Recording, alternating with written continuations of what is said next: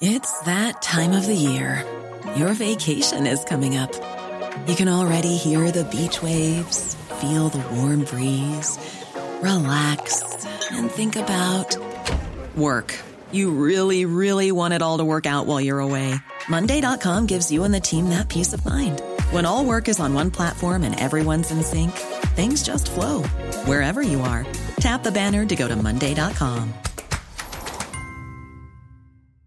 Many of us have those stubborn pounds that seem impossible to lose, no matter how good we eat or how hard we work out. My solution is PlushCare. PlushCare is a leading telehealth provider with doctors who are there for you day and night to partner with you in your weight loss journey. They can prescribe FDA-approved weight loss medications like Wagovi and Zepbound for those who qualify. Plus, they accept most insurance plans. To get started, visit plushcare.com slash weight loss. That's plushcare.com slash weight loss. Ni lyssnar på Bagge och Brobacke podcast. I 30 minuter varje vecka kommer vi ge vår syn på marknaden med fokus på pris, makro och sentiment. Välkomna! Då är det dags för avsnitt 7 av Bagge och Brobacke podcast. Välkommen tillbaka David. Tack, fantastiskt. Vi är live. Yes, jag har ju haft den här riktiga bearnaise förvaltare-vecka med mycket middagar, långluncher, fisketurer. Och igår fick jag även vaccinsprutan. Fantastiskt. Ja, ja men jag har sett det. Nej, det, det är på topp. Det är ja, på topp. Härligt att höra. Du, vi har ett fullsmetat avsnitt idag, eller hur? Absolut, som vanligt. Som vanligt. Vi kickar väl igång direkt. Jag vet att du hade plitat ner en hel del intressanta grejer här, va? Ja, man kan väl, ska vi inleda med att säga att uh, generellt då i börserna och väger kan man säga i, i väntan på, på en riktning. Uh, sista månaden är svenska OMX upp 0,4.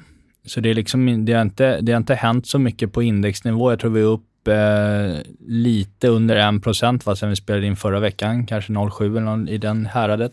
Så om vi kollar rent prismässigt OMX nu då? Nej, 30. då har det ju inte hänt mycket alltså. Ja, men vi kan väl säga så här då, att vi är ju definitivt i övre delen av rangen, men vi är fortfarande under apriltoppen. Absolut, ja men så är det. Och um, det finns ju viktiga, helt klart en väldigt tydlig, tydlig range. Jag tror ju att även om vi skulle bryta upp ur den här i närtid och kanske gå till de här 23,50 som vi pratade om i förra avsnittet som någon form av topp. Det är 3% dit. Ehm, jag tror att det kommer bli ett, ett, ett fail på den och sen vända ner. Då. Men det är väl den uppsidepotentialen som jag ser kommande två veckor. Då. Satt och kikade lite på DAX här precis innan vi drog igång. Du sålde av lite här på, på förmiddagen och vi är ju nu bara 0,3% även på DAX från den där eh, eh apriltoppen då. Ja, ja, precis. Så vi står ju hovrar i top range. Eh, negativa divergenser lite varstans, både daily, weekly. Men marknaden eh, jag tror många egentligen sitter och, ja, sitter och väntar på en, en ehm, en, en, eh, en situation att antingen köpa ordentligt eller faktiskt ha en anledning till att sälja. Eh, och det, den här veckan har vi ju, när det här släpps då torsdag, så är det ju stor, veckans stora makrodag. Idag eh, eh, klockan 14.30 då, eh, torsdag, så kommer ju eh, amerikansk eh, eh inflationsstatistik för, för april. Eh, och väntat är 4,7 procent i årstakt, vilket eh, skulle vara den högsta siffran sedan juni 2008. Och som vi minns av eh, Micke Sarve när han var gästa podden i avsnitt 4, så ser både han och teamet i deras modeller att eh, siffran för de kommande, både den här siffran och nästa, kan komma att överraska ganska kraftigt på uppsidan.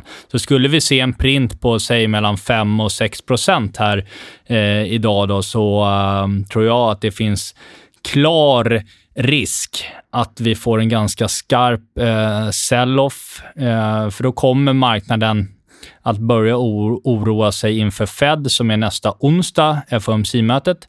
Eh, vi fick ju en jobbrapport förra i fredags här som var riktigt så Goldilocks-scenario på, på jobbfronten. Lite sämre än väntat. Marknaden handlade upp, framförallt i USA, eh, för att man inte behöver vara lika oroad för tapering-prat från Fed nu i nästa vecka. Men skulle inflationen på riktigt få en riktig sån här uh, jacka upp den, så tror jag att man kommer börja oroa sig inför Fed ändå. Då. Sen är det ju som sagt liksom transitory, absolut. Och nästa siffra kan ju vara kanske ännu högre än den vi ser nu, men, men eh, Eh, från och med sen i sommar kommer ju inflationen att, eh, deltat i inflationen kommer ju sen eh, gå neråt då. Jag kan bara titta på... Men det intressanta blir att se vart den planar ut sen i höst. Så är det Det som jag tycker är väldigt intressant, det är att eh, räntemarknaden påvisar ju kanske inte inflation just nu, tycker jag ändå. Nej, alltså Om du tittar på, nu har vi tio, amerikanska tioåringen här framför oss på skärmen eh, och den liksom, även om det Även om det kanske inte rasar i räntan så kom ju faktiskt, igår gjorde den en ganska stor rörelse. Eh, amerikanska tioåringen kom ner. Tyska tioåringen har kommit ner under eh, 2019 20-toppen, så den fallerade det här brytet upp mot nollräntor.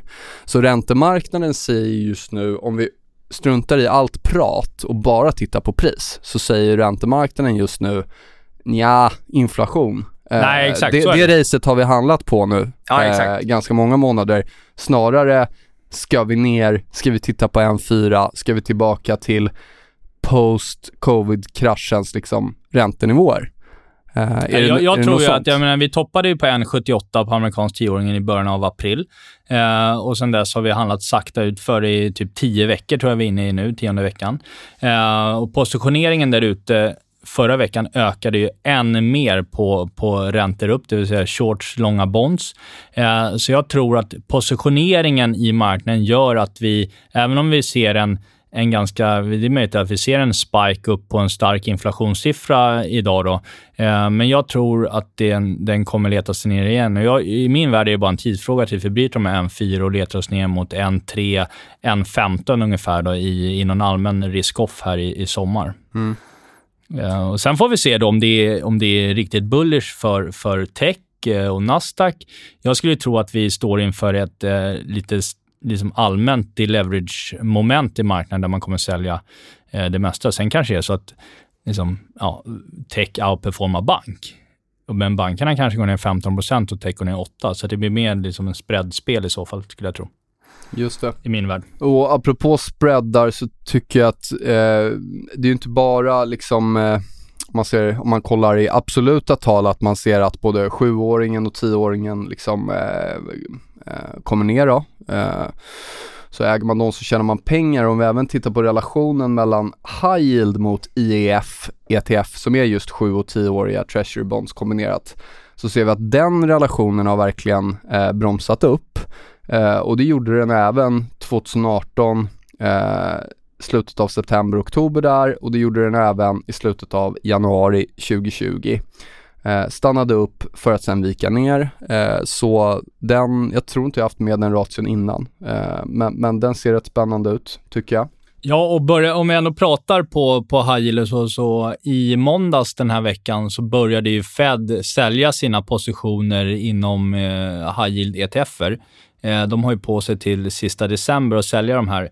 Största holding de har, det är ju eh, iShares Investment Grade Corp Bond. Den heter ju Liquid som eh, LQD. Och sen även då den här som du tittar på nu, HYG då, iShares High Yield. Det är de två riktigt stora, stora ETFerna som är i marknaden. Tittar man på, på hur mycket positioner de håller i respektive eh, ETF då, så är det framförallt Eh, liquid eh, som de håller mycket av. Det är 2,3 miljarder dollar som är parkerade i den som man har köpt på sig då sen förra, eh, sen covid-kraschen. Men rent volymmässigt så är det ungefär en, dags om, en dagsomsättning i respektive ETF. Så att, och man kommer ju pytsa ut det här. Man har ju på sig över ett halvår nu att pytsa ut det här, så det är, inga, det är, det är ingen fire sale på något sätt. Eh, men det är ju ändå en, liksom, på marginalen så försvinner i alla fall en köpare utav instrumenten då, och snarare blir en säljare. Då. Vad har vi för, uh, vad har vi för något som talar för uh, melt-up och break-up då? Uh, jag tycker ju den här small cap, micro cap måste vi ju nämna. vi har inte brutit ut, men nu ligger det ju verkligen och liksom naggar på uppsidan. Ja, så är det. Den, egentligen IVC och IVM om vi stänger vid nuvarande nivåer på veckobasis eller kanske lite högre, då får man nog ändå lägga den i, i bullcampet. Dock är ju inte veckan klar. Nej, För där ska man eh, komma ihåg hur det såg ut just förra året att eh, ofta de veckorna när det verkligen rasade så hade du starkt egentligen fyra av fem dagars handel mm. och sen reversade det på torsdag, fredag och stängde riktigt grisigt och det där är ju en klassiker Eh, oavsett tidshorisont så är det ju så att alltid att de längre tidshorisonterna styr över de kortare så får du liksom, egentligen allt som sker eh, på kortare sikt kan man som, definiera som noise om du får en stor rörelse eh, åt det motsatta hållet. Ja, exakt. Ja. Nej, det jag tror att eh, många glömmer där ute när det står och hovrar den senaste månaden, det glider uppåt vissa dagar, går ner lite andra dagar. Det är ju att när det väl kommer en sättning så har de en tendens att komma ganska snabbt. Vi, jag, jag, kan ju tänka mig att vi liksom inom en vecka kommer få se en minus 2-procentare på globala börser och många aktier som är ner 5 och då, kommer det liksom, då, är, då borde det också vara starten på, på en sättning in i, i, mot midsommar, början av juli. Eh, men eh, det är väldigt lätt, eh, och det har jag också liksom lätt att glömma bort, att när det väl bäsar på så går det ofta väldigt fort. Ja, men så är det ju. Det är bara att titta. Därför då finns det helt plötsligt inte det här latenta köpflödet kvar i marknaden. Då ska alla ut. Liksom. Och då brukar det också vara så att man behöver trycka aktien en del för att komma ut. Jag tog upp även XLI, alltså Industrial, så det kan man jämställa med, med Dow Jones då. Eh, även den står ju och väger mm. eh, och veckografen är den ju liksom verkligen en range. Jag skulle väl säga där att håller vi oss ovan de här nivåerna som vi är nu, lite drygt 100 dollar, 102, 103, eh, då, då är väl det någonting liksom som, som talar för, för brytet upp. Men återigen, veckan är inte slut där och det, det kan hända ganska mycket på de här dagarna då. Nej, jag, jag menar igår när vi var uppe och tangerade på S&P då, kring all time high-nivåerna igen, stod och hovrade där uppe, ehm, så hade vi utav de här äh, 500, eller om det är 503 bolag på S&P 500, eh, så var det bara eh, 56 stycken som satte en ny 52 veck veckors högsta. Och de andra då, eh, gjorde inte det. Så att det är en väldigt svag bredd på aggregatet, vilket vi ofta ser inför mer viktiga toppar i marknaden. Det är väldigt få aktier som driver på den här uppgången. Det är mycket meme stocks där ute exempelvis. De är, många av dem är i och för sig inte med, de flesta är inte med i S&P 500, men det är där den absoluta omsättningen på börserna i USA sista dagarna är ju bara i eh, Wall Street Bets eh, ehm, papper mer eller mindre, både på optionssidan och även på, på, på rena aktier. Då.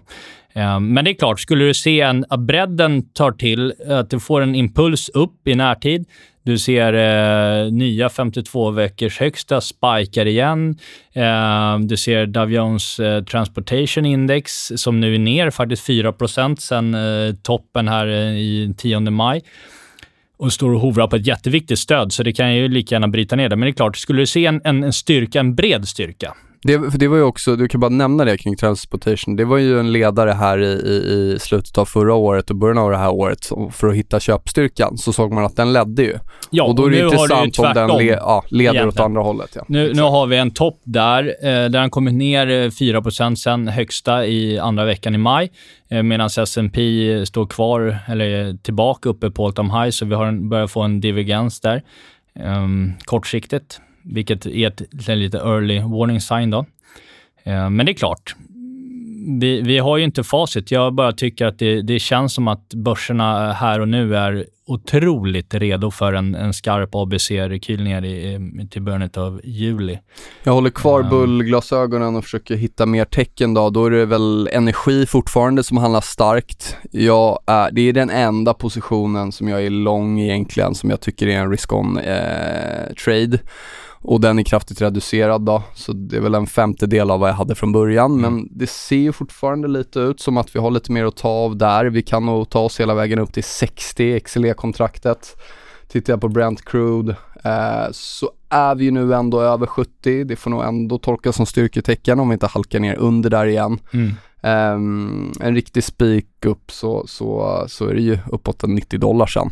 Nej, men det jag menar, får vi ett... Uh, vi har laborerat med en, en dollarstyrka i närtid här och uh, den, den bilden tycker jag är intakt. Men skulle du få att du får en riktig breakdown i dollarn så då kommer det elda på globala börser ganska uh, kraftigt. Just det, då fortsätter value trades, då är det ja. emerging markets ska upp och, och råvaror och allt det där. Ja, men emerging markets har inte varit någon höjdare om man tittar på senaste månaderna. Eh, verkligen inte. Ja, sen, brukar den där, sen brukar den där vara lite leading, eh, liksom bitcoin också kan vara från tid till annan under åren. Att när du ser stora ras eller ett, i, i exempel bitcoin så är det ledande för eh, global eh, risksentiment generellt. Och vi har haft ett tapp i bitcoin på, på 50 och ibland brukar vi se eh, liksom att det dröjer några, några månader ytterligare innan det eh, kommer till, till globala börser eller framförallt S&P. Men Ja, skulle se ett breakdown i dollarn, stark styrka på börsen, hög volym. Eh, räntor vänder upp kanske? Räntor vänder upp. Ja, men då, då är ju toppen inte satt än. Eh, men om vi skulle fortsätta som vi gjort senaste veckorna och bara sakta glida, glida, glida. Eh, det ser inte jag generellt som något jättebullish sign bara för det. Då vill jag se i så fall att alla i, eh, marknads... Eh, alltså internt i, i sektorer också visar eh, ordentlig risk on då, vilket jag inte riktigt ser nu. Om vi stannar lite i FX så vi tog ju några dollargrafer förra veckan. Det har inte hänt någonting det som Nej. är intressant är en siffra som jag tror det var Deutsche Bank som postade all time low i FX-volatilitet. Ja. Och ni vet ju vad som händer efter att volatiliteten drar ihop sig till lägsta någonsin. Då ska det ju komma en ganska stor längre. rörelse. Ja, exakt. Ja, nej, jag, jag, jag, jag tror ju åt andra hållet. Så ja. att, och den, och det, det, det, det är ju fortfarande liksom, vilket håll bryter vi? Men det, det, det, det är ju verkligen så att det liksom parar upp för en större rörelse. Några grejer som hade det tufft tidigare i år som jag ser nu börjar komma lite köp, eh, köp eller ganska mycket köp kring köprekar. Det är ju för det första grön energi. Eh, den har ju studsat, absolut, men vi är fortfarande under eh, hela egentligen stödet från, eh, från tidigare i år. Då. Mm. Så även om det är en, en fjärde, om man säger en fjärde inte röd sticka så är vi ju absolut inte uppe ännu liksom på safe.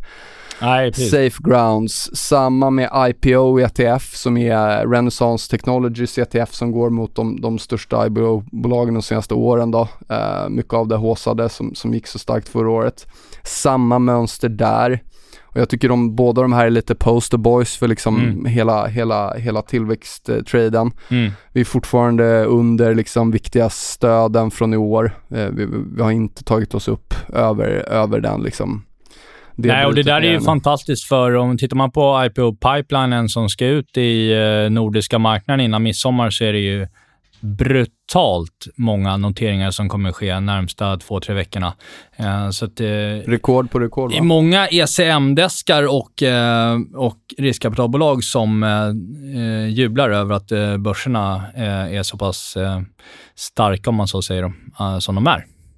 Några andra eh, saker som vi kan ta upp, nu handlar inte jag eh, single stocks igen, men jag vet Kambi var ju något som vi fick frågor om tidigare för mm. ett par veckor sedan. Mm. Jag tror det var om mm. det var första eller andra podden. Mm. Och den är fortfarande under den där 420 spänn. Så, eh, vi, vi har ju fått nu, vad det, en, två, tre, fyra veckor och där är den femte veckan. Vi var uppe och försökte komma över men den kom ner igen. Så jag tror fortfarande 420 är nivån att titta på. Jag tror man ska vara försiktig och köpa den där aktien om vi inte eh, kommer upp över då. Eh, och så en annan som vi får frågor kring också, självklart. Eh, Evo. Vi har ju studsat. Eh, 1600 spänn där tror jag är extremt viktig. Eh, vågar nog påstå att det är en lägre topp och det är bryt av det liksom momentumet från, som började i, i början av året då egentligen. Så är vi under 1600 så då, då är det nog nog snarare tusen spänn jag tittar på, nya högsta. Ja, det är ju en hel del som eh, börjar säga att eh, OMX kan inte gå ner för vi har Evolution Gaming som ändå väger 6,5 i index eller liknande. Um, det ska man komma ihåg att ju färre aktier som leder en uppgång eh, gör ju det också väldigt eh, eh, eh sårbart. Ja, alltså, men både och. Ja, jag ser ju hellre en, en, i en riktig bull market, eh, då ska ju många aktier vara med och dra. Liksom. Mm.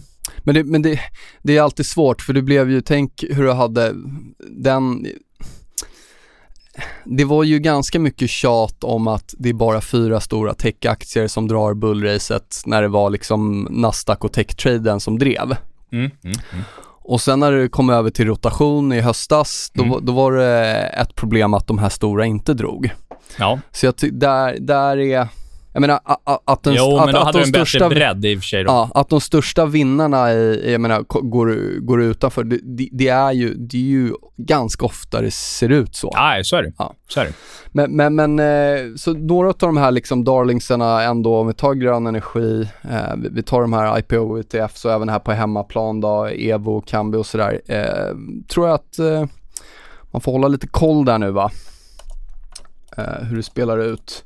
Eh, en annan grej som jag tittade på som jag tycker är lite intressant, jag började gå tillbaka lite just kring eh, kring hur sentimentet var i höstas här kring Europa och Nikkei och emerging markets. Mm. Eh, vi stod just vid de tillfällena så var ju Uh, och det var ju, om, om vi kommer ihåg, så var det ju ganska mycket sälj där i oktober. Eh, eh, det såg fortfarande ja, väldigt bra det, ut på, på räntemarknaden. Bottnade i sista oktober. Ja. Räntemarknaden såg väl, fortfarande väldigt bra ut, råvaror såg fortfarande väldigt bra ut och, och, och jag gick in och kollade lite på de liksom, kommentarerna som kom där kring, eh, kring mina bullish analyser och det var faktiskt ganska exakt som nu fast omvända då. Mm. Och det enda egentligen som har förändrats, det är att priset är upp mellan 30, 40, mm, 50 mm, procent mm, i de här kontrakten då. Uh, och det var lite en sån här allmän reflektion kring sentiment faktiskt. Mm, mm. Men uh, vet du vad jag tror? Jag tror att det egentligen finns en övertro på just här och nu, uh, över sommaren på reopening-traden generellt. därför att vi ser fler och fler bolag som rapporterar om eh, komponentsbrist. Vi tog upp det i en podd här om, här om eh, veckan att eh, vi börjar se en, en eh, liksom negativ utveckling i Asien som skulle kunna påverka ytterligare alla typer av eh, komponenter som redan är väldigt stretchat. Det finns inte längre eh, många, många av delarna i industrin finns inte att få tag på och då spelar det ingen större roll hur många som vill köpa det för bolagen. Det går inte att sälja för det går inte att tillverka. Eh, vilket du exempelvis såg i eh, i eh, Volvo kom in med en ganska svag eh, ACT-siffra, alltså tunga lastvagnar i USA, förra veckan, förra torsdagen. Eh, och det är egentligen inte att efterfrågan viker, utan det är ju att eh, de har, de, kunderna har problem i leverantörsledet och det finns inte tillräckligt med varor att frakta liksom, i samma utsträckning som det gjorde för ett par månader sedan, för att det går inte att få tag på. Uh, och vi såg också Navistar, uh, konkurrenten, uh, nordamerikanska konkurrenten till Volvo, Eh, var ju också ute häromdagen, lägre produktionsökning än väntat i, i Q2 på grund av eh, supply chain-brister. Eh, Så att jag tror att eh, jag tror att i närtid finns en, eh, en övertro på hur hur eh, otroligt bra det kommer att bli. Sen att folk kommer att äta på restaurang och så, det är en annan sak. Men, men just i tillverkningsindustrin. Du såg exempelvis London var ute igår Eh, de har ju tänkt att öppna upp fullt upp. De har ju sin Freedom Day eh, den 21 juni var ju tanken. Men, med tanke, men så var de ju ute igår och sa att eh, till följd av de, den stora spridningen av den, eh, den indiska varianten då, så kan de komma att fördröja full reopening då fram till slutet av juli istället. Um, och jag tror, jag tror liksom inte att marknaderna här och nu är beredda på ytterligare liksom delays, som jag säger, om jag tittar på hur mycket handlar. Alla, exakt, de där portföljskydden och, och kortningarna och det som köptes i maj, det är ju utrensat nu. Eh, ja, vi har, ju löst nästa, vi har ju löst nästa fredag. Eh, vi har ju Fed på onsdagen. Jag tror att hela juni är ganska välhedgat egentligen. Eh, så det intressanta kan väl bli rörelsen efter, efter den lösen och eh, i samband med Fed och efter Fed. Um... Jag tänkte på, jag försökte kolla lite kring nyhetsflöden igen och jag, mm. jag ser fortfarande inte, eh, inte några egentliga eh, liksom analyser på, på nedsidan eller stora risk-off. Det var några risk-off-rubriker men sen när jag väl klickade in och tittade på vad callsen var, då var det liksom worst case scenarierna för aktier var typ minus 2% till hösten. Jag ja. menar minus 2% det kan vi göra på en dag om du Nej, vill men och sen, eh. sen tror jag också att det kommer bouncea liksom, men, men jag är ju ute efter att spela en sättning och sen långa på igen. Till, jag tänker om, om, om, om, om, om konsensus som worst case scenario är ett par procent ner, eh, liksom, vad är vi då på 15-20 procent ner? Ja, det, eh, det, skulle kunna bli, i worst case så har du ju minus 15. Jag mm. tror att det blir minus 8 till minus 10 någonting. Men eh, jag tänkte på, på Fed då nästa vecka. Vet du hur mycket Feds balansräkning är upp sen i, eh, i storlek sen i mars? There's never been a faster or easier way to start your weight loss journey than with plush care. PlushCare accepts most insurance plans and gives you online access to board-certified physicians who can prescribe FDA-approved weight loss medications like Wigovi and Zepbound for those who qualify. Take charge of your health and speak with a board-certified physician about a weight loss plan that's right for you. Get started today at plushcare.com slash weight loss. That's plushcare.com slash weight loss. plushcare.com slash weight loss. Ever catch yourself eating the same flavorless dinner three days in a row? Dreaming of something better? Well, HelloFresh is your guilt-free dream come true, baby. It's me, Gigi Palmer. Let's wake up those taste buds with hot, juicy pecan-crusted chicken or garlic butter shrimp scampi. Mm. Hello Fresh. Stop dreaming of all the delicious possibilities and dig in at HelloFresh.com. Let's get this dinner party started.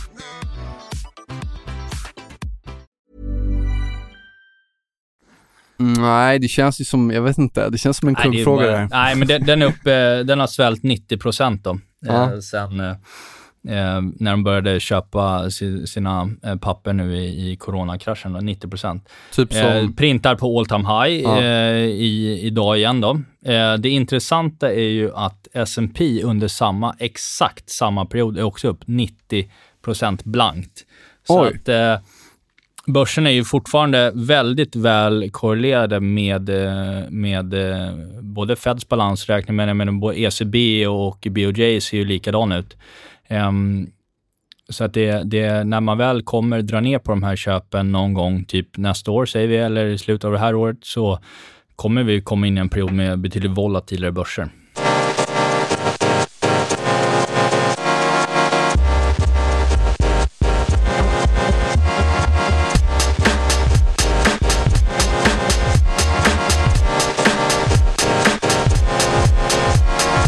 Kanske ska nämna någonting om guldet också där. Vi fick mm. lite frågor. Du hade ju plockat fram lite, det var lite säsongsmässigt svagt för guldet kommande veckor här, eller hur såg det ja, ut? Ja, alltså jag tycker ju, jag köpte ju på mig guld i tappet, eh, när var det? Var det februari eller mars när jag var nere?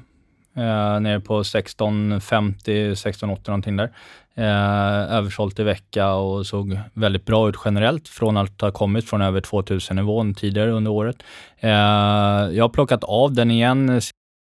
Eh, jag tycker att man har fått eh, den rörelse som jag spelade. Jag tror det blev en 8, 8% plus ungefär. Eh, jag tror att man kan i guldet, liksom mycket annat, köpa tillbaka på lägre kurser, men jag tror inte det blir ingen krasch i guldet. Alltså det, den kommer ju relativt outperforma mycket annat. Dessutom, mm. som svensk investerare, så kan det bli så att eh, försvagas kronan också i, i ett sånt här risk-off-scenario, så, så kanske kommer på plus minus noll på guldet. Men säg att kronan försvagas 5% och guldet tappar 5 då är det plus minus noll. Mm. Så jag tror inte man behöver vara speciellt orolig för guldet om jag säger så. Nej, men jag tog ju, jag ligger fortfarande kvar i den och ja. jag tog också in den taktiskt här under, under våren. Eh, liksom, eh, även på, på, på lång sikt är jag ju alltid eh, allokerad till guld genom fysiskt men mm. även i, i, i fonden här. Mm. Och det är ju en utav vinnarpositionerna och jag ser väl, eh, ser väl, ser väl det tekniska vad man tittar på en rekyl härifrån, men jag tror att det är ett läge där jag i så fall köper mer då. Ja, eh, nej men så det, kommer jag Det är fortfarande agera. ett par procent av totalen, så att det, ja. jag hade nog kanske till och med gillat om vi får en, en liten eh, dipp här. Ja, det, det, det skulle inte göra mig någonting heller. Ska man prata lite indexnivåer? Det tycker jag. in på det. Absolut. Eh, vi har ju en väldigt tydlig, som vi var inne på, väldigt tydlig range på OMX. Eh, 22,85 var vi uppe på i, i eh, häromdagen, eh, var det i fredags va? Men säg 22,80 då. Det är väl ungefär där vi står och hovrar just nu. Eh, på nedsidan eh, 21,88 är det här viktiga stödet som vi har testat fyra gånger eh, sen, i, eh, sen i maj, eh, sen i april. Eh, och på S&P så har vi ju framförallt den här 4061 som var lägsta i häromdagen eller om det var i förra veckan. Under det då har vi ju veckostängningarna som vi pratade om tidigare, de här 4051 som är den, den eh, klart viktiga att hålla koll på då. Det, alltså, det är ju Eh. rätt kul nu, om du tittar på den här veckografen här i S&P eh, Det är inte mycket som händer du. Nej, det är det det inte är. Det, Det står och är så väger. sidled. Alltså det, det är ju nu en, två, tre, fyra, fem, sex, sju, åttonde veckan av egentligen. Även om det, det är det här som är man, man pratar, det är väldigt lite volatilitet men är du inzoomad känns det som väldigt mycket volatilitet. Ja, men För det sitter man nära skärmen så är det ju eh, mycket volatilitet. Ah, ja. Eh, Så är det. Ja. Mellan dagar och mellan veckor. Och då får man nog känslan Men av zoomar att, ut så har det inte hänt någonting. Nej. Ehm, så att, eh, men om man går tillbaka till index där bara på, på Stocks 50 Europa eh, så är det ju den förra högsta nivån som vi nu lite har brutit över då, 40, eh, 41. Skulle vi få ett brott ner därigenom Eh, då blev det ju, som vi var inne på tidigare, en bulltrap på uppsidan. Eh, och jag tror att i så fall tror jag rekylen är ett eh, faktum att den inleds. Eh, samma i DAX, eh, jämna 15, eh, 1550. 15 500. Eh, exakt samma bild där. Eh, vi hovrar strax ovanför nu, men skulle vi få ett eh, brott där under så, så är det ju en klar... Men då var det en, en bulltrap att, att köpa här uppe då. Sen ska man alltid ha i åtanke att vi kan alltid liksom gl fortsätta glida lite uppåt. Eh, jag tror dock att marknaden väntar på en, en exempelvis då eh, den här CPI-siffran idag torsdag eller Fed nästa onsdag. Och så har vi då optionslösen nästa onsdag också då. Nej förlåt, nästa fredag. Så det, det, men jag tror att vi kommer få ett, ett ganska kraftigt, en ganska kraftig rörelse inom två veckor. Um, Titta, eh, faktiskt om man kikar lite på eh, Eurostox ETFen som är prisad i dollar, den heter FEZ, Ja. eh, FEZ och den är, om man inkluderar utdelningar så är den nu faktiskt uppe vid en, en väldigt intressant nivå runt 50 US-dollar då. Och Mm. det var ju egentligen, om man säger, där raset faktiskt började eskalera 2008 när vi bröt under de, två, under de nivåerna då. mm, en snabb dubbling sen i mars förra året. Ja, nej men så är det ju och även sen som jag pratade här nu då, slutet av oktober så är det liksom upp från 30 32 dollar till, till, till 50 dollar på, ja, sen, sen november liksom. Mm, mm. Eh, så att även om Europa är liksom the way to go framöver så på en, på en sån uppgång så kan det komma lite rekyl. Nej, men vi ser så. Och mycket av det som har gått nu på slutet, tittar man på exempelvis, det finns ett index som heter Most Shorted Stocks Index. Där har vi haft en brutal short covering sista eh, veckorna. Eh, så att den, ehm, det, många har stängt, många har blivit mycket brända på många shorts som nu är i, i, på många håll stängda. Och tittar vi på eh, jag såg en notis från Deutsche, Deutsche Bank häromdagen. Eh, det var ju många som sålde, sålde av eh, aktieexponeringen så i, under april. Eh, men faktum är att sista, sista två veckorna är den positioneringen tillbaka till vad det var innan och är uppe i det historiska liksom 95-procentiga percentilen igen. Då. Så folk har ju långat på igen, eh, vilket jag tycker är intressant eh, på de här nivåerna och eh, vilket gör att skulle vi då få en break ner så, eh, ehm, så kan den absolut komma att bli eh, hastig. Nikkei har jag här på skärmen, japanska och det var en utav de där tre då från i, från i höstas och då kan vi se även den upp 30% och det blir ganska, liksom, marknaden tenderar att gilla symmetri och jämna nivåer och 23 000 upp till 30 000 eh, och vad det ser ut nu är det ju liksom fjärde lägre toppen va, från den punkten. Mm. Uh, det är samma mm. sak där, är man inzoomad i det där då ser det ut som att det är rätt kraftiga liksom uh, ramper upp mm. och, och liksom uh, men, men zoomar du ut lite så ser du ju att det är ju, ett, det är ju en, någon, det finns ju säljare där uppe, helt klart, som tar varje chans. Ja, är du positivt chans. inställd med de rosa glasögonen på sig så kan man ju tolka det som en bullflagga ja. som ska bryta upp.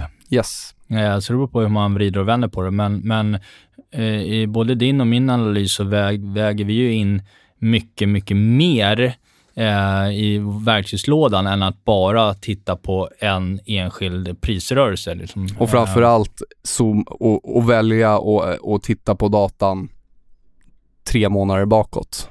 Jag, jag har ju en känsla av att vi just här och nu den här veckan handlar på typ peak QE, Um, peak inflation.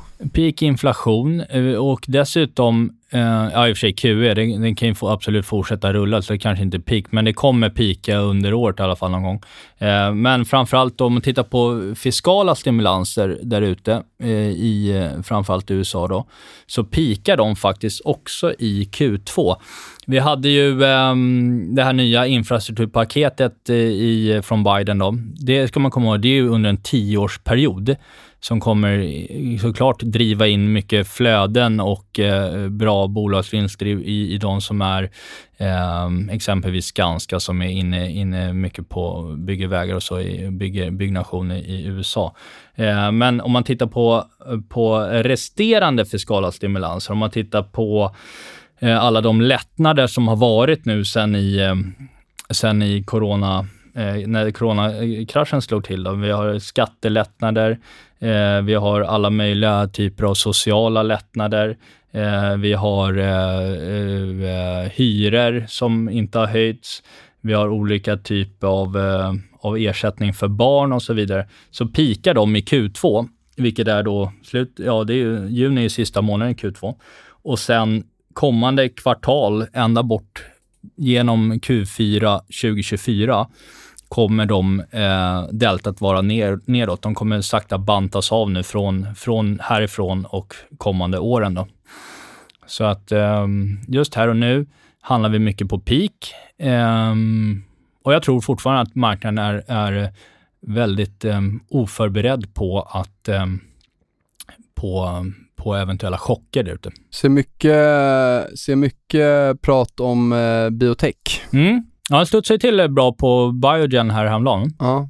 Eh, det här är den amerikanska ETFen IBB. Jag vet mm. att eh, jag eh, var, köpte breakoutet där tidigare efter vi hade tillba tagit tillbaka oss över, eh, över liksom pre-covid-toppen och mm. då var vi väl nere runt 120 dollar. Sen har det mm. varit ett jäkligt fint race egentligen upp till eh, ja, runt en 170.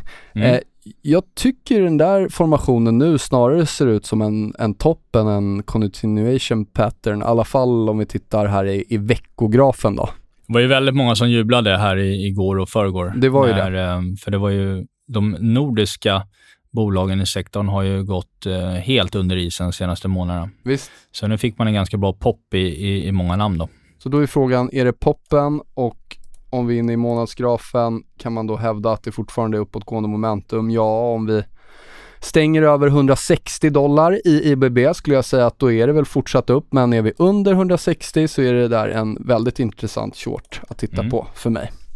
Se vad som spelar ut där. IBB alltså, kort mm. namn. Ja, exakt. Um... Du har kikat lite optioner också va? Ja, jag sitter alltid och screenar lite saker så här i väntans tider. Um, det är det man får göra för att hålla fingrarna i styr? Ja, just det. Exakt. Um, nej, men titta, om man, om man är som, uh, som jag då, som, tror man på en ganska duktig sättning fram under, in i, in i juli. Uh, så eftersom volatiliteten har kommit ner så pass, även om säljoptionerna är generellt dyrare än vad, än vad köpoptioner, vi har en ganska kraftig skew i marknaden. Um, så tittar man på jag, jag drog på Twitter i morse. Jag tror att eh, vi har en botten på OMX 2080 eh, till eh, 2000 nivån under eh, sent juni, eh, mitten av juli ungefär. Optionslösen då i, i juli, tredje fredagen där. Skulle man köpa då en 2080 säljoption som ett skydd. Då kostar den eh, en halv procent att köpa. Eh, det är 8 procent ner dit, eh, lite styvt. Ehm, men man ska komma ihåg att i ett risk-off-scenario så exploderar ju ofta vollen också.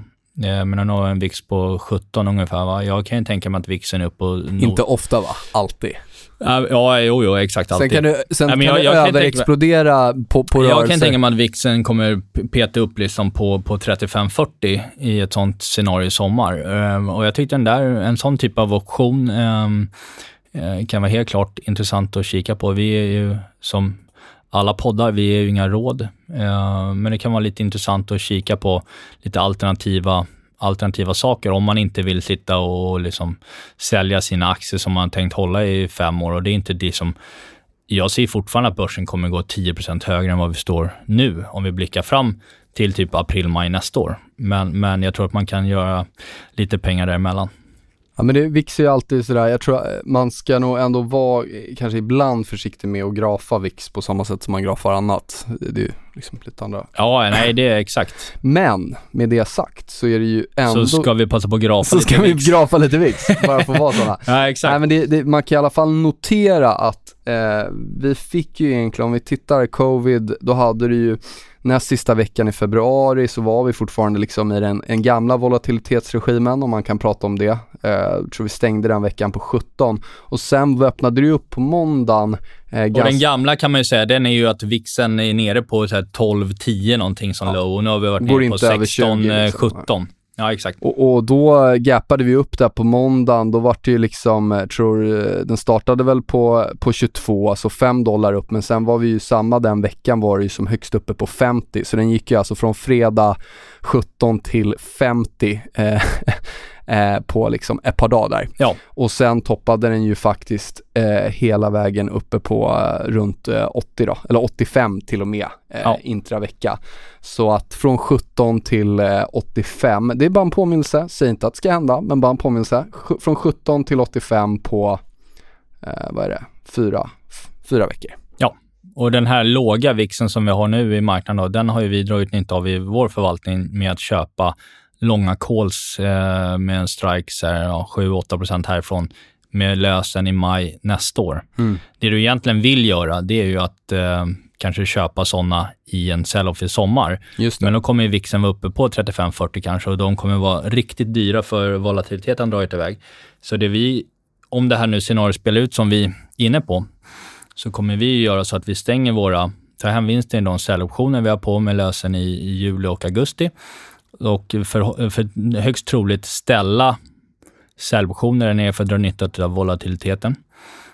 Um, och um, köpa lite mer calls då, för den premien man får in om man ställer. Men det är kanske lite överkurs att dra i podden. Uh, men um, det finns mycket att göra på optionssidan om man är inne i den världen. Åt båda Gött. håll. Blev det lite ja. optionssnack också. Hur känner vi? Vi börjar bli ganska klara va? Ja, ja vi, alltså, ju, vi, vi har ju inte fått något liksom, indexen står och väger. Det, det, uh, och, ja, vi kan sitta och talat. snacka en kvart till om det. Uh, Slänga upp 20 uh, ratios till om varför vi ska bryta ner här. Men, men man kan ju säga så här att uh, fram till nästa poddavsnitt som kommer då om en vecka, nästa torsdag, så kommer vi i alla fall ha haft en inflationssiffra som skulle kunna överraska positivt, eh, det vi nu idag alltså. Eh, det vi håller koll på där framför allt är ju rörelsen i, i långräntorna eh, och i dollarn och såklart, ja, självklart även indexmässigt. Då. Men jag tycker nog nästan långräntorna blir mest intressant att se. Speciellt om du skulle få en siffra som är betydligt högre än väntat. Om räntorna inte stiger på det, då är det ju då är det ju kört, höll jag på att säga, kortsiktigt för amerikanska tioåringen. Och det, då ska den ju ner. Och det, det, är lite som en bolagsrapport, nu handlar det inte enskilda aktier, men, Nej, men... intradag-vollen, alltså den första rörelsen, det, det intressanta blir hur den liksom spelar ut sen då. Ja, ja, exakt. Nej, Spiken åt något ja, håll, det är, är vad det är. Uh, men, liksom men stängningen den dagen och, och follow dagen efter blir ju högst intressant. Det kommer ge en tydlig signal. Skulle få ner långräntorna, som jag tror ner mot 1,30, 1,15 i sommar, så kommer ju hela value-traden må riktigt dåligt och eh, bankerna primärt eh, kommer må inte alls speciellt bra.